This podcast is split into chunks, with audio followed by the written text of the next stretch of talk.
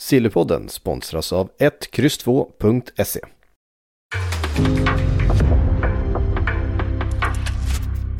En podcast från Aftonbladet. In the supermarket, you have eggs class 1, class 2, class 3. And some are more expensive than others, and some give you better omelets. That's the wrong information. Wrong, wrong, wrong information. I didn't say that. That's the wrong information. Do you think I'm an idiot? Wrong, wrong, wrong information. Now look at me when I talk to you. Your job is to tell the truth. That's the wrong information. Sillypodden tillbaka med ett andra avsnitt för veckan. Eh, Patrik Syk heter jag, Makoto finns med mig på andra sidan linan. Eh, hur mår du? Jo då, jag mår bra tycker jag. Eh, fullt upp den här veckan såklart med matcher och så vidare, mycket dramatik. Eh, vissa väntade saker, vissa mindre väntade saker får man väl säga av resultaten vi har fått. Alltså i liksom Europaspelet den här veckan. Och sen har det börjat hända lite i Sillyfronten också. Ja, det gör det verkligen. Det är många som vill, eh, många som vill lämna. Eh, Ja, framförallt Alltså- det, framförallt det. ja, men, jag har fått lite känsla av den där gamla Halloween-låten I want out från eh, 80-talet. Eh, det- den känslan jag har över hela Sillyfönstret just nu. Det är bara spelare som vill dra. Eh, inte minst från, eh, från PSG. Vi har ju varit inne på Kylian Mbappé tidigare. Han verkar ju vilja dra. Eh, Gini Wijnaldum vill också dra. Han har bara varit där i sex månader. Ja, alltså han verkar ju ha ångrat sig. Eh, inte Ja, blivit Alltså riktigt... jag förstår honom. Du gör det? Ja, eh, det har kommit mycket uppgifter om att eh, han inte har kommit in i gruppen, att eh, de då sydamerikanska spelarna har gaddat i, ihop sig, att han då skulle utgöra konkurrens för, ehm, eh, ja vem är det nu på, på mitt Paredes, tänker du? Ja, Paredes ja. Eh, Wijnaldum är en betydligt bättre fotbollsspelare än Paredes. Eh, jag tycker inte ens de är på samma, på samma nivå. Men de sydamerikanska spelarna på något sätt håller ihop och har eh, försökt eh, ja, eh, mobba ut Wijnaldum till förmån för eh, Paredes. Enligt uppgifter från Paris. Ja, alltså... Men det är ju sådär det funkar i den där klubben. Den är, det är ju ingen riktig, fotbolls, det är ingen riktig fotbollsklubb. Nej men alltså han har ju inte fått eh, den liksom roll eller den speltid och det förtroende som man kanske trodde. För att det var väl mycket också Pochettino som var en del i att Wijnaldum valde PSG. Han hade mycket att välja på i somras. Eh, en av de här. Och han var väl en av de första som dök upp om jag inte helt missminner mig ordningen på alla de här megavärvningarna. Så att det var ju liksom, det var ju efter Wijnaldum som spelare som Messi och Ramos och så vidare dök upp. Eh, så att det, det var väl inte riktigt vad han väntade sig att han skulle presenteras med den kalibern och spelare där. Och sen har han ju hamnat på något sätt i någon form av periferi. Han har väl gjort vissa, vissa bra saker men har inte heller nått upp riktigt den nivån som, som man hade hoppats på i PSG under de gånger han har spelat heller.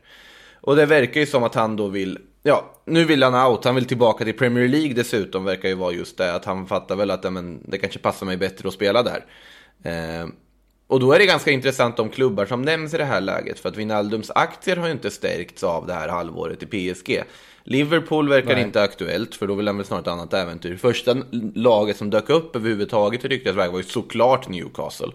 Eh, I Wijnaldums fall så har han ju också spelat där förut. Så att det finns ju en Ja, annan aspekt i precis. det. Eh, var ju otro otroligt lyckad där. Det var ju en anledning till att han hamnade i Liverpool en gång i tiden. Eh, Ah, jag vet inte vad man skulle ändå säga att han var otroligt lyckad i, i Newcastle. Tycker du inte? klart, han var bra.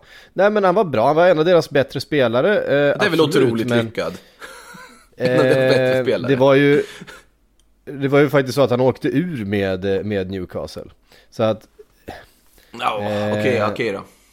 Ja, så att det var ju inte, det var ju inte ett lag som mådde jättebra eh, på den tiden eh, heller. nej, individuellt lyckas. Kollektivt fatalt misslyckas. Ja, han gjorde framförallt en del mål där. Var, han spelade ju på kanten i det, i det laget. Eh, lite märkligt använd Ja, eh, Newcastle. Och eh, gjorde framförallt mycket mål i en match som boostade upp. Det var ju många som var väldigt förvånade över att Liverpool värvade honom. Och framförallt att han inte då var tänkt att vara en ytter utan att Liverpool skulle sätta honom centralt på mittfältet. Eh, men där hade ju eh, där hade ju Liverpool tänkt till. Eh, och kände att här, här fanns en underutnyttjad eh, resurs. Och det, det gjorde det verkligen. Så att, Ehm, han var bra i Newcastle, absolut. Han var en av deras bästa spelare. Om han är sugen på att gå tillbaks dit, inte i det här läget. Inte att, inte att ha varit en av Liverpools absolut bästa spelare under de senaste åren. Eh, vunnit ligan, vunnit Champions League och sen tillbaks till Premier League. Alltså det är ju en sak att gå vidare till PSG, men tillbaks till Premier League för att kastas rätt in i en nedflyttningskamp. Det kan jag inte se framför mig. Vad ger du för Arsenal då? För det är ju de som snarare har dykt upp sen. Det, skulle, det kan jag absolut tänka mig. Eh, och det vore ju, det vore ju väldigt synd. Det, det, det hade ju känts lite, det hade blivit lite känslomässigt nästan känns. Jag tycker väldigt mycket om Wijnaldum, tycker det är en fantastisk fotbollsspelare. Eh, han hade gjort det mittfältet bättre. Ja, det, det är ju... min be, bestämda uppfattning. Ja, det är ju utan tvekan, man fattar ju helt och hållet varför ehm, alltså Arsenal visar intresse och PSG sägs ju ändå vara Gud ja. någorlunda öppna för någon form av lånelösning. Men här är ju ett, ett lag som jag vill kasta in i den här mixen, men det kanske är lite känsligt att göra det. Men sett till speltyp som hade mått jättebra av honom i Manchester United. Eh, jag tycker att han är för mycket tvåvägs eh, för egentligen vad det Manchester United behöver om jag ska vara riktigt ärlig. De behöver mer en utpräglad defensiv. De skulle behöva mer en Declan Rice. Eh, Ja, men tycker jag. sett Personligen. till- Jag tycker de har en del. Ja men det är Donny van der Beek och, och Paul Pogba och så vidare. Det är, Donny kanske inte är spelare med lika, liksom på samma nivå. Mm. Eh, men ändå lite liknande i spelstil sådär. Ehm, Men utifrån vad Ragnik vill ha eh, Ja. och en hårt jobbande. Nu, nu tror jag i och för sig att Fred kommer att eh, blomma under Ragnik. Det är min, min personliga tanke. Jag, jag tror faktiskt seriöst att Fred kommer vara en de kommer räkna med här framöver. Eh, nu, nu tittar Ja, han ju på. Haidara också. Haidara är väl lite mer defensivt lagd men fortfarande har tvåvägskapacitet. Wijnaldum är ju så pass komplett. Eh, det verkar väl som också, ja vi får väl se vad som händer med Paul Pogba. Det är ju det där som är lilla jokern där i United om hur, hur det blir med hans framtid. För om han försvinner måste du ersätta. Eh, där hade både Haidara eller Wijnaldum kunnat vara alternativ. Men bara för att bredda den positionen och inte förlita sig på Fred McTominay. Eh, så ser jag ändå att det finns ett fynd att göra. Nu kommer inte det här hända. Nu tror jag snarare att Arsenal ligger väl närmare till hand. Så det finns ett större skrikande behov. Men jag tycker United ändå borde dyka upp i ja, spekulationerna eller i liksom ryktessnurran. Men vi får väl se vad som händer. Det är ju långt kvar fortfarande. Ja, men det, det är långt kvar. Men, men eh, jag ser nästan eh, ännu mer nytta eh, för honom i, i, i Arsenal. Mm. Ja, många lag. Alltså, Tottenham. Gubevars, Liverpool skulle behöva ha tillbaka honom igen med tanke på hur, eh, hur skadeproblemen har varit eh, på centralt mittfält. Men eh, det kommer ju inte hända. De har ju liksom de har lämnat den förhandlingen bakom sig. Eh, och eh, Liverpool tittar ju på, på andra. Eh, vi har inte med det på listan här men det har kommit nya uppgifter om Jude Bellingham ju. Ja, det, det glömde jag ju lägga till. Det, det kom jag på. Den, det var ju flera dagar sedan höll jag på att säga. Men det var, det, var det ju inte precis. riktigt. Men, och det har pågått sedan i somras. Eh, Mm. Det här är någonting som har, som har rapporterats om mycket och länge. Och det är nästan så att Jude Bellingham själv vid något tillfälle har, har uttryckt sig som att det, att det kommer bli så. Eh, även om det var rätt länge sedan. Frågan är om det klart är... att Ja. det är ju precis, det är ju, det är ju Liverpools modell. Det är ju inte Liverpools modell att, att förlänga eh, Eh, med, med 30 plus spelare eh, i någon hög utsträckning och ge dem eh, eh premiumlön på, på långa kontrakt. De de jobbar på ett annat sätt. Det ska vara unga spelare in och det ska utvecklas och så vidare. Och, menar, det är svårt att hitta en, en mer en mer intressant central mittfältare än 18-årig Jude Bellingham just nu. Så att eh, jag förstår om, om det är ett spår som de hellre tittar på och är beredda att, att lägga stora pengar på. Fast de behöver ju... De kommer behöva slå transferrekord då. Gör dagens... Det kommer de nog behöva Gör göra. Liver, dagens Liverpool där för en 18-åring. Eh, det är inte alls omöjligt. Ehm, Man är ju definitivt beredd att göra det på en 18-åring snarare än på liksom typ en 27-åring. Ja, så är det ju. Ehm, om du förstår vad jag menar. Mm. Nej, alltså som spelare så känns den ju helt självklar. Och det borde ju vara ganska självklart för många klubbar. Alltså Bellingham har ju bara fortsatt spikrakt utvecklas åt rätt håll i Dortmund. Eh, Man fattar ju helt och hållet vad typen kom ifrån när han var i Birmingham, när alla klubbar ville ha honom. Men med facit i hand, Dortmund-flytten tror jag var helt och hållet rätt för honom. Det är ganska många man säger det om, som går till Borussia Dortmund för övrigt. Det är, väl, det är väl Alexander Isak undantaget höll jag på att säga. I och för sig vart det väl bra för honom på sikt ändå.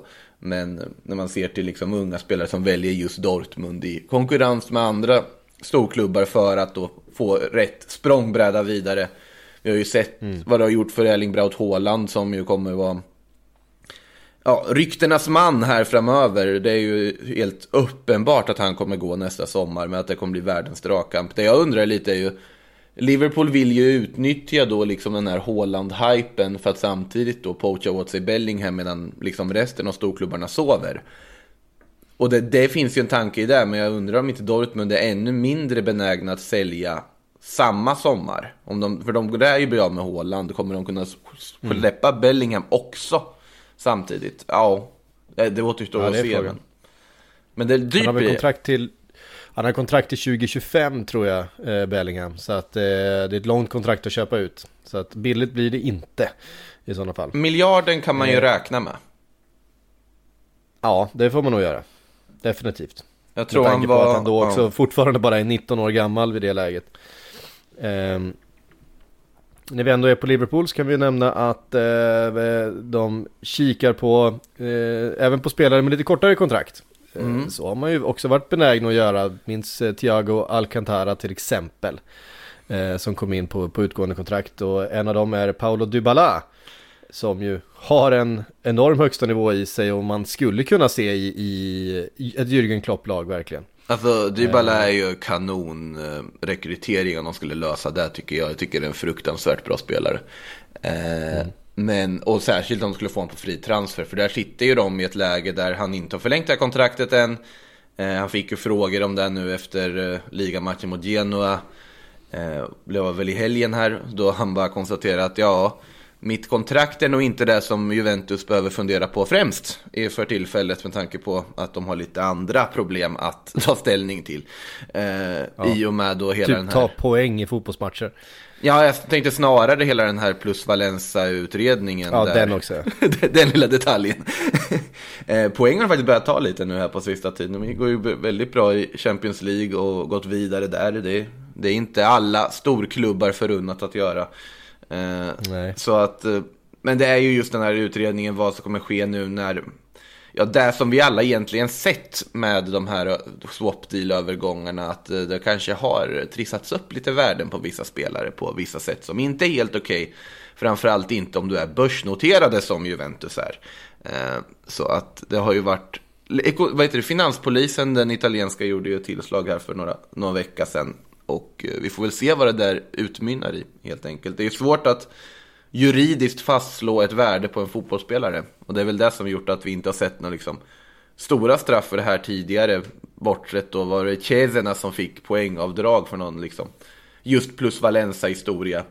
Eh, vi får se vad det renderar i Juventus fall här. Mm.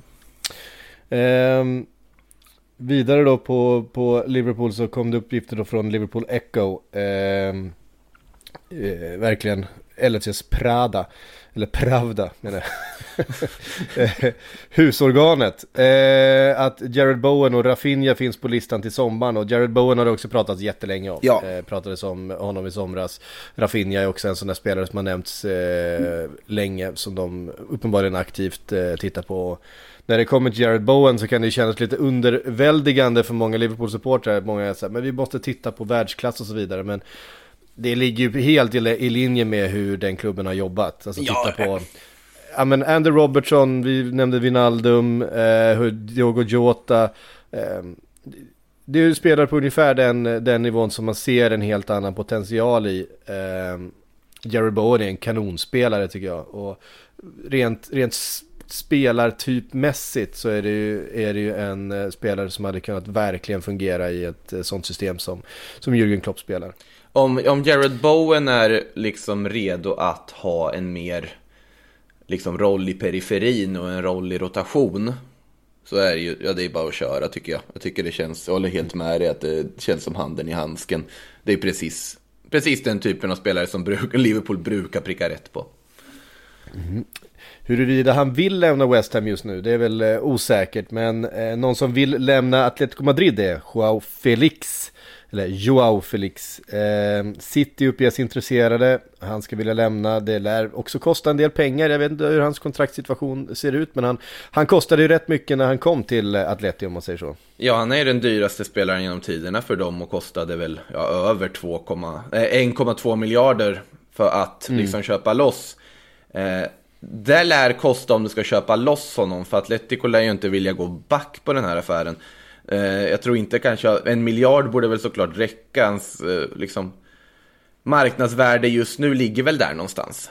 Och det är inte lätt för någon klubb att bara hova ut det. Han har ju kontrakt i 2026.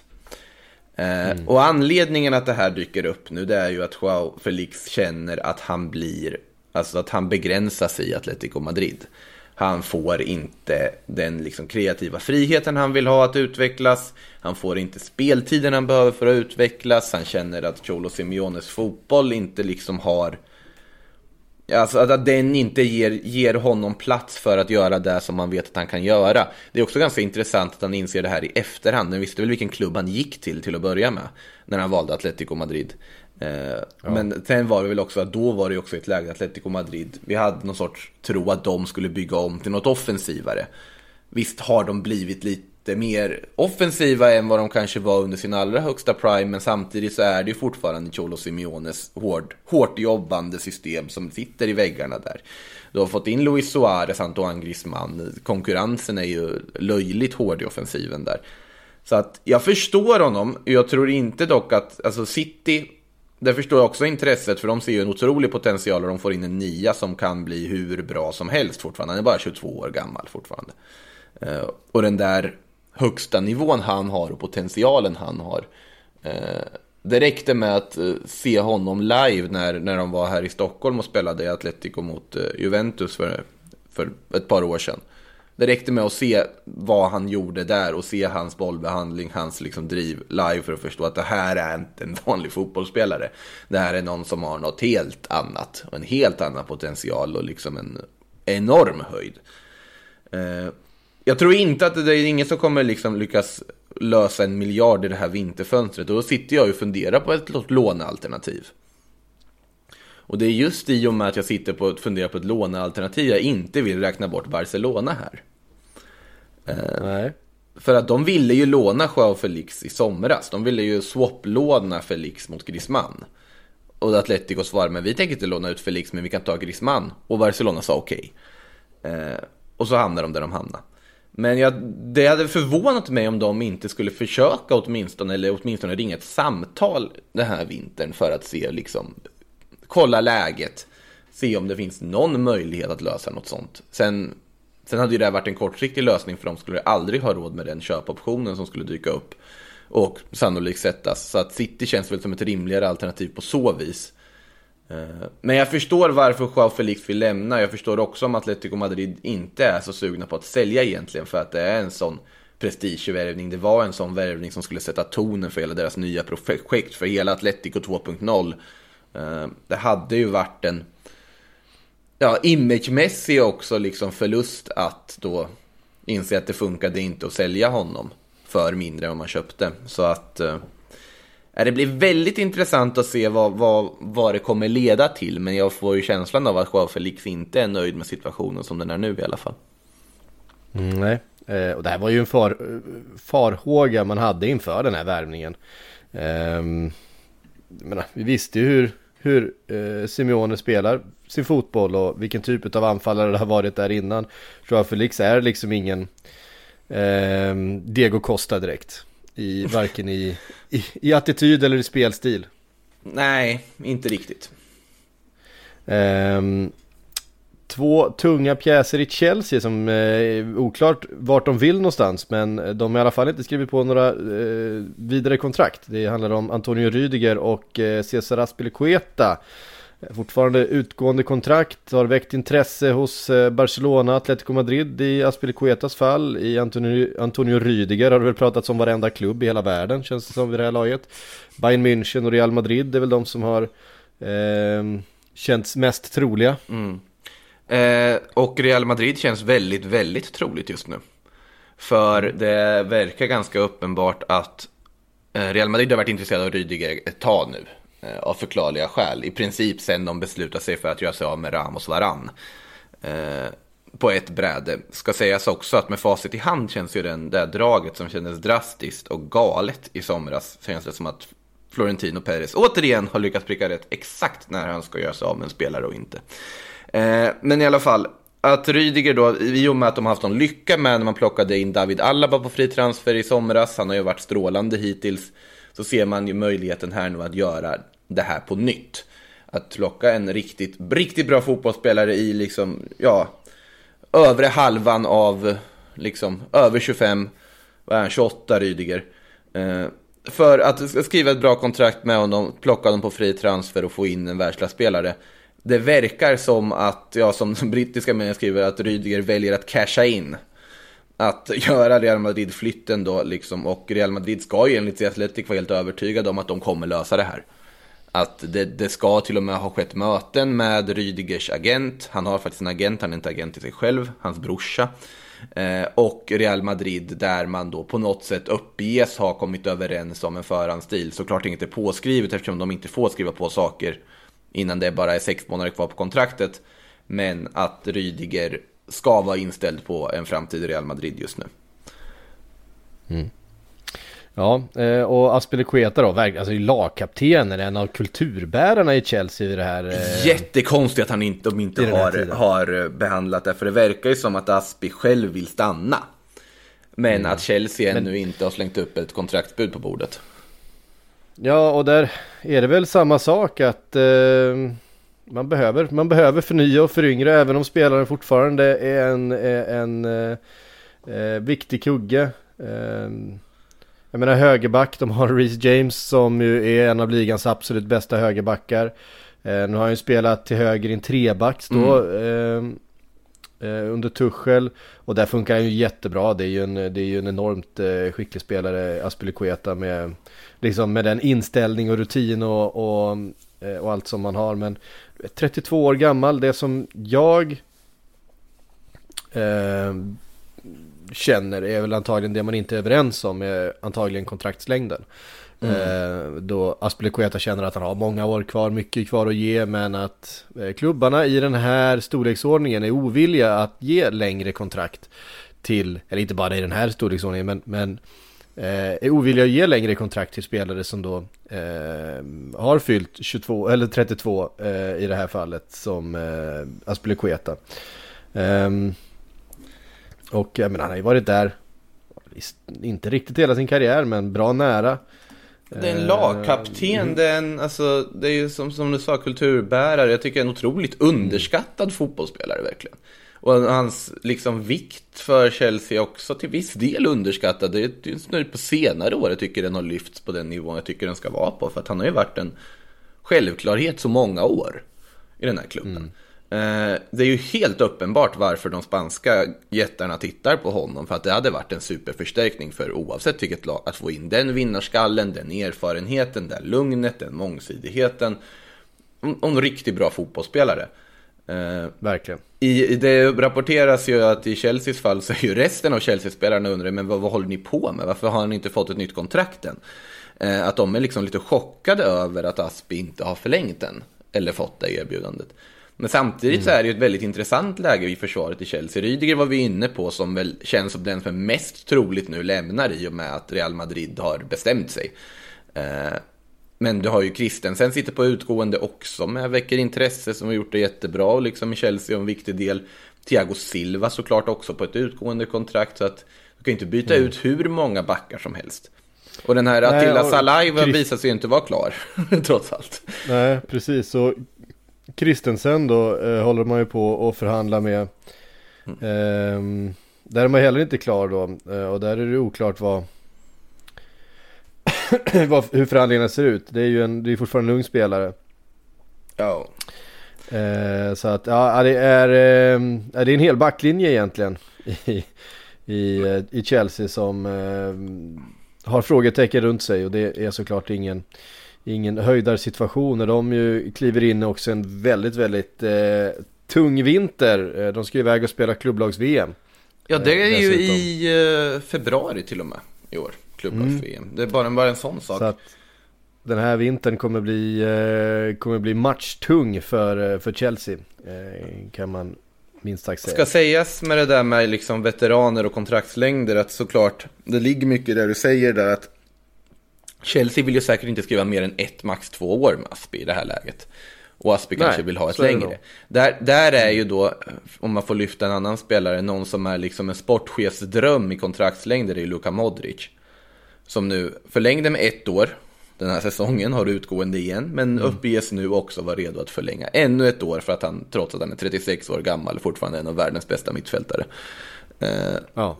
Men där, där också, förstå, nu är i och för sig han betydligt mycket äldre, men samtidigt liksom de här ettårsförlängningarna. Lite som Zlatan gör just nu i Milan också. Han har väl redan börjat sätta press på att han vill ha ett till. 40 år gammal. Ehm, nej, och det är ju så här ehm, det, det är ju så här det funkar med spelarna som kommer upp och det var ju problemet med, med Wijnaldum också i, i Liverpool ju. Eh, att man Ja. inte kom överens om kontraktslängden. Sergio Ramos. Sergio Ramos. Sillypodden är den här veckan sponsrad utav 1X2.se En eh, speltips och reksajt. Jag har med mig Andreas Nord eh, därifrån och tillsammans då med eh, 1X2.se och Sportbladet så har vi tagit fram en tävling Andreas där vi har fått våra första vinnare. Ja men Stämmer detta? precis, det stämmer. Vi kör ju veckovis. Så första vinnaren där har varit Adam Nyberg som fått välja en valfri matchtröja och Marcus som har fått välja en halsduk då. Så att eh, första grattis. veckans vinnare till dem. Grattis ja! Eh, och det är en ny tävling på gång direkt va? Ja, det dras redan i helgen, så ta chansen direkt att gå in på 1X2.se och vara med och tävla. Allt man behöver göra är ju att gissa resultatet i lite matcher så har man chansen och man har ju chansen på den här stora tävlingen vi kör tillsammans med Patrik. Just det, precis. Man vinner 10 000 kronor eh, att lägga på valfri sportresa. Eh, det är ju riktigt mäktigt. Kan vara en Verkligen. dröm som går i upp, uppfyllelse för någon där. Och dessutom så går man in på 1X2.se så finns det speltips. Det är ju det som eh, ni sysslar med så att säga till vardags. Ja, men precis. Vi är ju en sajt där vi har samlat några av Sveriges främsta spelexperter som man kan gå in och ta del av gratis speltips från oss. Och jag tänkte skicka med mig ett speltips eh, inför helgens Premier League. Det var ju en hel uppsjö matcher att välja på där, men jag landade till slut i matchen mellan Chelsea och Leeds. För bägge lagen har en del eh, defensiva avbräck, så jag tänkte att eh, här kan det vara bra läge att gå in på ett överspel, för det finns ju fortfarande gott om offensiv kapacitet på planen. Så spelet blir över 3,0 mål till två gånger pengarna. Och för att ta del av den här tävlingen som då också är kostnadsfri såklart och eh, fler speltips och rek så gå in på 1X2.se. Jo, för att det finns fler spelare som jagar nya utmaningar och som kanske behöver eh, göra det. Dejan Kulusevski till exempel, vi var inne på Juventus tidigare. Eh, Dybala, en av de spelarna som eh, befinner sig före i eh, hackordningen just nu. Eh, eller ja, har ju gjort hela tiden såklart. Eh, Kulusevski har ju inte fått den speltiden under eh, eh, den här säsongen som man hade velat och eh, jagas av Arsenal och Tottenham. Ja, det, enligt eh, italienska uppgifter, eller La Repubblica för att vara exakt, så ska ju till och med Arsenal planera att bege sig ner till Italien för att prata med och liksom, ja, de ska ju till och med presentera ett bud, eller ha ett bud redo för att plocka in Kulusevski till januari. Eh, sen är problemet för Arsenals del, eller det som är hindret, att de måste övertala Dejan Kulusevski om att det här är en flytt värd att göra. Eh, vilket, vilket ska återstå att se om de lyckas göra och så vidare. Och det, det finns ju pros and cons på liksom att gå dit och inte. Men det är ju ett jobbigt läge. Jag vet att jag har väl sagt rakt ut att han borde liksom bara fly sett till liksom förtroende han fått av Max Allegri. Men samtidigt är det inte så pass lätt. Eh, det finns ju möjlighet, han är ju en del av en generationsväxling i Juventus, tålamod och liksom insatser kan mycket väl eh, liksom vända för honom. Att han får mer förtroende och så vidare på sikt. Men samtidigt, det är bra klubbar som jagar honom just nu. Om de har en tanke med honom och ger honom Premier League-flytt där han faktiskt skulle få en startroll och så vidare och inte bara ses som någon form av rotationsalternativ, ja då är ju absolut både Arsenal och Tottenham intressanta. Arsenal för att jag tycker ändå de har någonting positivt på gång. Man ser, ser honom kunna gå in i vissa roller på den, på liksom, i Arsenals offensiva trea där och faktiskt fungera. Sen är ju den konkurrensen hård också. Eh, men det, det, man ser möjlighet till speltid. Tottenham, samma sak där han skulle kunna användas ja, som en i liksom till höger i 3-4-3, kanske istället för Lucas Moura, spela med Kane och Son. Skulle kunna användas ja, i vilken som helst av de där rollerna och funka tror jag under en tränare som Antonio Conte. Så att eh, det är ju spännande alternativ och det ska bli väldigt kul att se vad det här utmynnar i under vintern.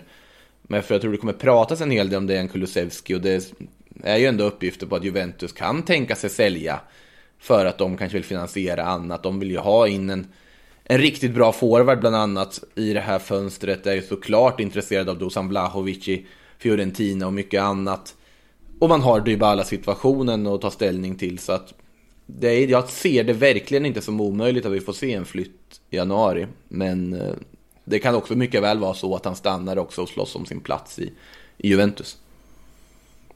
Um, fick en fråga från Pelle Pettersson här, vi slänger in den då. Mm. Uh, och den gäller ju uh, bland annat Dejan Kulusevski.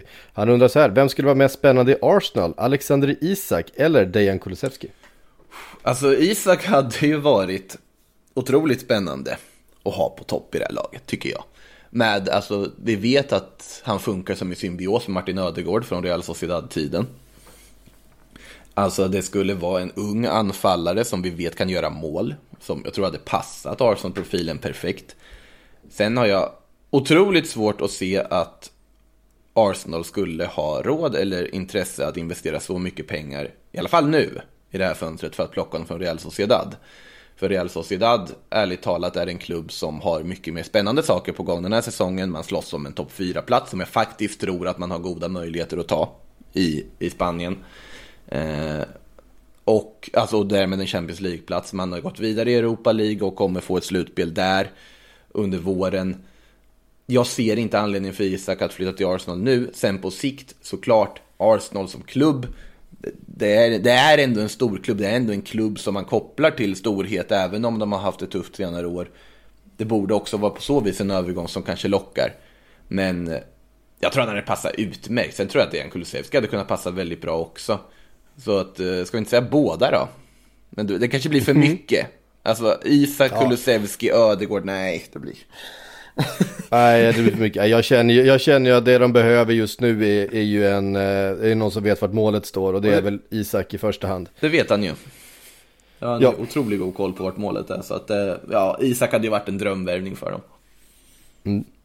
Eh, fler spelare som vill bort. Lukas Ding vill bort från Everton. Ja, eller alltså, han har inte uttalat sagt att han vill bort från Everton, men däremot så är det ju så att det har ju uppenbarligen totalt skurit sig mellan honom och Rafa Benitez.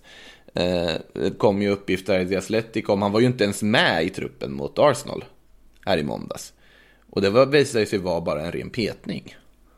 Eh, att, att liksom, Din har varit irriterad på att under Benitez har inte han fått storma fram på på yttern på samma sätt som han gjort tidigare där han varit, haft en jättefin poängfot och gjort massa poäng. Och, och kan ju vara en anledning till att han nu för tiden inte är kvar i mitt fantasylag också. Att han inte har fått det förtroendet under Benitez. Eh, tappat, slår inte fasta situationer på samma sätt som han gjorde tidigare heller och är liksom oroad över sin individuella utveckling samtidigt som han också är oroad över den utvecklingen Everton tar. Marcel Brands eh, var ju en av alltså huvudfigurerna i att övertala din att faktiskt gå till Everton. Eh, han är ju inte kvar. Så att och det ska ha skurit sig och då tänker man att det kan bli någon form av övergång här i vinter för att vem vill sitta i en trupp där du inte känner förtroende från tränaren när ingenting funkar. Eh, särskilt i ett läge där Everton ändå teoretiskt sett skulle kan vara bra av någon form av försäljning för att kunna finansiera annat som de behöver få in. Så att, eh, och det finns ju lite uppgifter här om att Chelsea ändå ska vara lite intresserade han hade ju passat ganska bra i Chelsea även om de har både Ben Chilwell och eh, Marcos Alonso. Så, men då ska ju väl någon av dem bort i sånt fall. Ehm, mm. Men jag ser det inte som omöjligt att uh, Dinho väljer att röra på sig just på grund av att det har skurit sig med Benitez. Nej, precis. Får vi se hur länge Benitez är kvar. Ja, den, den eh, detaljen det, är också ganska viktig i sammanhanget. det, är ju, det är ju lite rörigt där. Så är det. Eh, Emil Salomonsson vill lämna Japan, Makoto. Eller vill lämna Japan. Han har gått till och presenterat för IFK Göteborg idag. Ja, Eh, ja. Och då, och då det kom från ingenstans där han har skickat ett meddelande här såg jag på, på vad heter det, Twitter till de japanska fansen. Eh, där vi kan titta här, nu har jag inte jag hunnit läsa det exakt här, men det är ett, det är ett väldigt fint meddelande där han tackar liksom för allt stöd han har fått. Eh, alla... Skriver han på japanska? Han skriver på japanska. Eh, Är det han som skriver tror du? これから先はアビスパのサポート皆さんの一緒にチームを応援してますチームメイトがして Jag tror faktiskt att han kan med lite hjälp ha skrivit det här själv. Eh, Men jag kan ha helt fel. Allas höger, höger wingback med nummer tre, Emil Salomonsson, har han signerat eh, meddelandet. Och han skriver att han älskar allihop. Eh, otroligt populär. Men det, det, anledningen till att det här är med i körschemat är för att jag faktiskt vill skicka ett tack till Emil Salomonsson. För att alltså, sättet som jag har liksom upplevt hur han har hanterat de här två åren i Japan. Den respekten han har visat för den japanska kulturen, den öppenheten han har tagit sig till det här äventyret. Eh, otroligt fin alltså, förebild och otroligt fin representation för de svenska fotbollsspelarna hur han har agerat i Japan. Och jag tycker det är jättetråkigt faktiskt att han lämnar serien. Såklart att man fattar att han vill tillbaka till IFK Göteborg. Men eh, all respekt till sättet han har hanterat tiden i Sanfrecce Hiroshima, Avispa Fukuoka eh, och det han har byggt upp där. För han, han har ansett vara en av japanska ligans absolut bästa ytterbackar under sin tid. Där han har utvecklats som spelare men också så här Ja, man märker på hans liksom Twitterflöde och sånt att han är otroligt omtyckt bland fansen och han visar otrolig liksom, respekt till den japanska fotbollen och till alltihopa där och till klubbarna. Så att, eh, nej, det är otroligt, två otroligt fina år som han gjorde i J-League. Och jag hoppas att fler följer och att de som följer till J-League från Allsvenskan om de gör det, att de följer Emil Salomonssons exempel med hur man ska agera som utlandsproffs i Japan. Fint. Ehm, eh, du, får väl, du får väl eh, chansen att ställa frågan själv till honom när han har flyttat hem till Sverige. Ja men det finns ju en, du kan ju läsa under tröjan-intervjun med Erik Niva, den går nog att hitta i vårt arkiv. När den pratar just om tiden Ja, just i. Japan. Den, den säger ganska mycket också. Newcastle kommer vi prata varenda avsnitt om den här vintern skulle jag tro. Eh, det handlar om eh, mittbackar och en hel lista som har nämnts som potentiella mittbacksalternativ. Eh, Lloyd Kelly, Mattias Ginter, eh, Joe, Rodo, Joe Rodon, Joe Rodon, Sven ja. Bottman. Rondon. Eh, Joe Rodon eh, och Sven Bottman eh, har nämnts som alternativ. Ehm, Det, det, Ja, vi, det här är inte den sista listan vi kommer ha heller. På Det är inte det. Eh, här är fyra alternativ. Det, det finns säkert fler där ute. Men, men en sån som Sven Bottman till exempel är ju en, en intressant spelare att, att ha med sig in i ett sånt här projekt också. Att bygga någonting på. Ge en, eh, ge en, eh, eh, en central plats i ett truppbygge. Har man inte börjat slentrian kasta in Sven Bottman till alla klubbar som börjar mittbackar?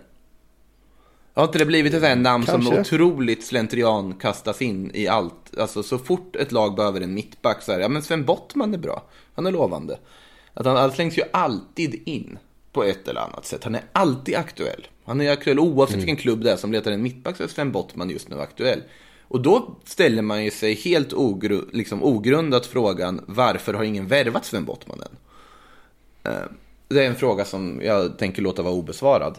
Men, eh, men i det här fallet då så är det ju då, det som är intressant i Newcastle är just att de samtidigt här nu, de har ju inte en direkt liksom sportligt ansvarig. De har ingen som är direkt ansvarig för värvning. De har ingen sportchef.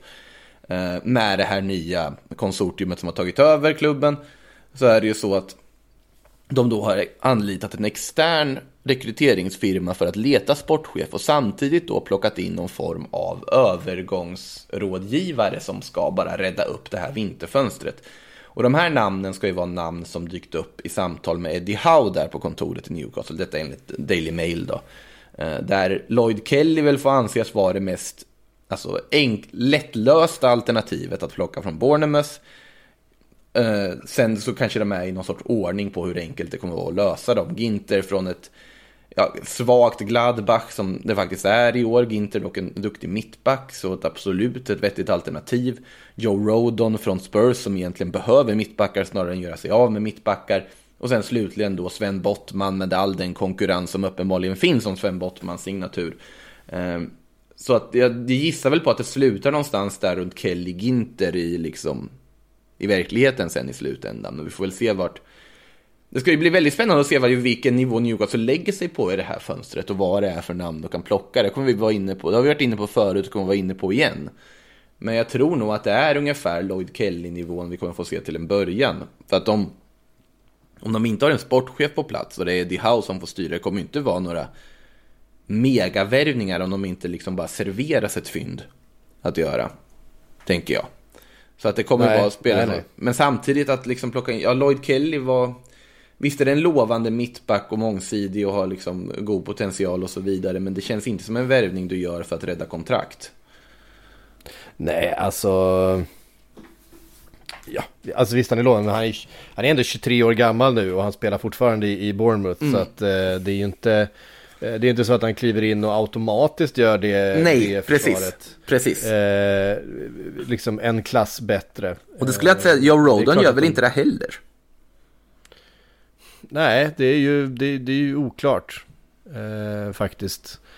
Ehm, men Jag- det, är, det är ont om mittbackar. Det är ont om mittbackar. Fast det är, alltså är det där, jag att liksom så här, Milenkovic sitter där med en, upp, med en påstådd 15 miljoner euro klausul i Fiorentina. Eh, in där och peta om något. Eh, Jag tycker ju att din Joe Gomez idé är helt briljant. Det är ju precis vad de behöver. Alltså det har varit en perfekt Ja, lösning för dem. Eh, så att det, det finns ju mittbackar. De borde ju liksom, Pau Torres har vi pratat om jättemycket om, bara gå in där och eh, liksom stör de andra toppklubbarna som är intresserade av honom. Eh, hör av er till Bayer Leverkusen och hur är det med Tapsoba? Hur är läget där? Newcastle måste ju ta sig för här lite. Och också kanske då, nu, nu har jag ju också sagt att jag såklart de kommer gå på safe bets från andra Premier League-klubbar och så vidare. Men samtidigt, de har ju en attraktion, Premier League som liga har en attraktionskraft som gör att de kan handla från hyllor de nödvändigtvis inte borde kunna handla för i andra ligor. Jag skulle inte förvåna mig ett dugg om Pau Torres skulle vara intresse- inte skulle kunna tacka nej till den löneförhöjningen som skulle innebära att gå till Newcastle till exempel. Eh, Jag tror att det, finns, det finns väldigt, väldigt bra mittbackar som går att lösa för dem. Eh, Om man tittar, Mattias Ginter hör väl till den kategorin i och för sig tycker jag. Eh, och Verkligen. Bottman också. Så att är det... Ja, åt, åtminstone så är det ju upplyftande för det var ju en lista på fem namn egentligen och så var ju Mohamed El Neni det femte. Han är ju inte en mittback utan snarare till mittfältet då. Men eh, det är ju uppenbart i alla fall att de också ser behovet av att de måste få in en försvarare. Eh, kanske helst två i det här fönstret. Så att eh, Ja. det ska bli väldigt spännande att se vart, vart de lägger, alltså vilken kvalitet de lägger sig på i värvningarna i alla fall. Uh, ja, så är det verkligen. Och det, det, de, de lagen som har varit framgångsrika med den här typen utav väldigt pengastinna lag, liksom sammansättningar att kunna välja och vraka på något sätt. De har ju byggt från bakifrån. Det både, både Chelsea och City eh, gjorde det. Chelsea gjorde det definitivt i med José Mourinho i början där var ju oerhört målsnålt eh, verkligen och eh, City lyfte ju först när eh, Vincent Kompany kom in och eh, tog över taktpinnen i den, i den backlinjen. Det var ju då de fick fart på sitt, på sitt bygge så att eh, eh, det, finns en logik i att de, de börjar med att titta bakifrån. De behöver hitta sin Eh, kompani, kan man ju säga. De behöver, Ja, men det är ju den de behöver. Ja. Eh, verkligen. Vi har fått lite frågor i vanlig ordning. Eh, vi fick en utav Max Jönsson här på Instagram. Eh, det går att höra av sig till oss där ni, där ni hittar oss. Vi finns på Instagram också. Eh, vad har ni för tankar runt Malmös anfallare Kolak och Birmancevic? Eh, stannar de eller bör de flytta? Alltså, det, jag tycker faktiskt att det har varit två succévärvningar. Båda tog plats i min årets elva som ni kan höra för övrigt på i Allsvenska podden som spelade in igår. Eh, om ni undrar hur jag, Hugo Månsson och Josip Ladan tog ut våra lag. Nåväl. Eh, Birmancevic borde ju väcka intresse sett till liksom vilken succévärvning det faktiskt har varit tycker jag. Hur han har bara gått in och levererat poäng och så vidare. Där lär det finnas intresse. Ja, och det ska bli spännande att se vad det är för form av bud som kommer och det är en ung spelare det pratas om fortfarande. Så att han lär väcka intresse. Colak är ju frågan om Malmö vill köpa loss eller inte. Och den tycker jag på något sätt att jag ser inte felet oavsett vad de väljer här. Att såklart att 30 miljoner är en ofantligt dyr prislapp. Det är det för den spelaren. Och det går att argumentera för att det inte är kanske det smartaste av Malmö att göra. Men samtidigt tycker jag att Colak har... Han har väldigt mycket i sig. Det är en fruktansvärt bra forward. En väldigt liksom bra spelare. Och där har man ju också sagt att alla parter vill att vi ska ta över honom permanent. Och där, där tycker jag att om det går att lösa och du känner att du har ekonomin för det jag tycker att det kan vara värt det. Det är inget återförsäljningsvärde på så sätt i Antonio Colak, men det är en fruktansvärt bra anfallare. Sen, ja, han har missat ganska många chanser den här säsongen, men han slutar ändå på tvåsiffrigt antal mål. Han är en väldigt stor del till att de tar till Champions League-gruppspelet och är en forward av internationell kaliber, så jag säger behåll Antonio Colak. Om det går. Mm. Ja, Eh, Niklas Hultén Lindgren skrev eh, Tjena, hade inte Umtiti varit perfekt för Milan att värva nu egentligen? På tal om mittbackar eh, som vi inte har nämnt än så länge i det här avsnittet. Men vad är Umtitis aktier nu för tiden och framförallt hur mår hans kropp? Ja, det är ju det som är problemet att Umtitis aktier är ju inte jättehöga. Han sitter ju i, alltså jag vet inte vilken frysaggregat eller fiskpinneliknelse man ska använda i det här läget. Men han, sit, han, han ser ju inte dagsljus i alla fall i, i Barcelona, så är det ju. Eh, problemet är ju det här med att han, ja nu har han i och för sig gjort 13 matcher den här säsongen. Det hade jag faktiskt helt, nej det var ju förra säsongen då 13 matcher såklart. Han har inte sett skymten av speltid i år. Eh, men alltså ja, det är det är ju frågan, alltså grejen är ju att han vill ju såklart ha en okej okay lön om han eh, flyttar. Alltså Barcelona är ju på nivå att de funderar på att liksom bara säga upp hans kontrakt. Eh, I och med liksom läget som han är i. Han, det var ju en ganska jobbig situation nyligen när han, när han liksom konfronterade ett gäng fans som helt onödigt stannade upp hans bil och ställde sig i vägen när han skulle åka ifrån eh, träningsanläggningen. Eh, det, det är mycket som inte funkar där och såklart att det är bäst för alla parter med en flytt. Men det var ju någon, en gång, nu vet jag inte exakt, nu, ska, nu drar jag det här ur huvudet lite, men det var ju i samband för någon, ett par år sedan eller någonting där det var, jo, det var ju efter VM 18. Så fanns det ju ett läge där att han skulle kunna göra en operation för en liksom skade, skadeproblem som då skulle liksom åtgärda någonting. Men Umtiti vägrade göra den. Och det slutade i att han då har ja, i princip sedan VM 2018 gått omkring och haft skadeproblem konstant. Och det här har ju blivit ett problem såklart. Och jag tycker faktiskt att för Milan då, om vi går tillbaka till originalfrågan i den situationen. Du ska ersätta en långtidsskadad mittback i Simon Kjär. Varför ta in en mittback som knappt är liksom, ja alltså knappt matchuppvärmd och dessutom riskerar att ja, gå sönder igen efter två matcher typ. Bättre att ta mm. någon som du vet håller. Eh, och absolut, Umtitis kommer ju, det skulle kosta också i lön. Sen skulle det vara jättebilligt att få, Barcelona är ju desperata att bli av med den löneposten. Så att såklart det skulle gå att lösa honom om man vill, men jag vet inte om det är rätt väg att gå. Är, tyvärr, för att det var en fruktansvärt bra mittback, eh, ja i princip fram till VM 2018. Och sen har det gått ut för utav analyser. Eh, tusen tack för att du var med idag Makoto, tack alla ni som har lyssnat. Nu tar vi helg, eh, Premier League-podden är tillbaka på måndag, Sillypodden är tillbaka nästa vecka också. På återhörande. Ready to pop the question? The jewelers at BlueNile.com have got sparkle down to a science with beautiful lab-grown diamonds worthy of your most brilliant moments. Their lab grown diamonds are independently graded and guaranteed identical to natural diamonds, and they're ready to ship to your door. Go to Bluenile.com and use promo code LISTEN to get $50 off your purchase of $500 or more. That's code LISTEN at Bluenile.com for $50 off. Bluenile.com code LISTEN.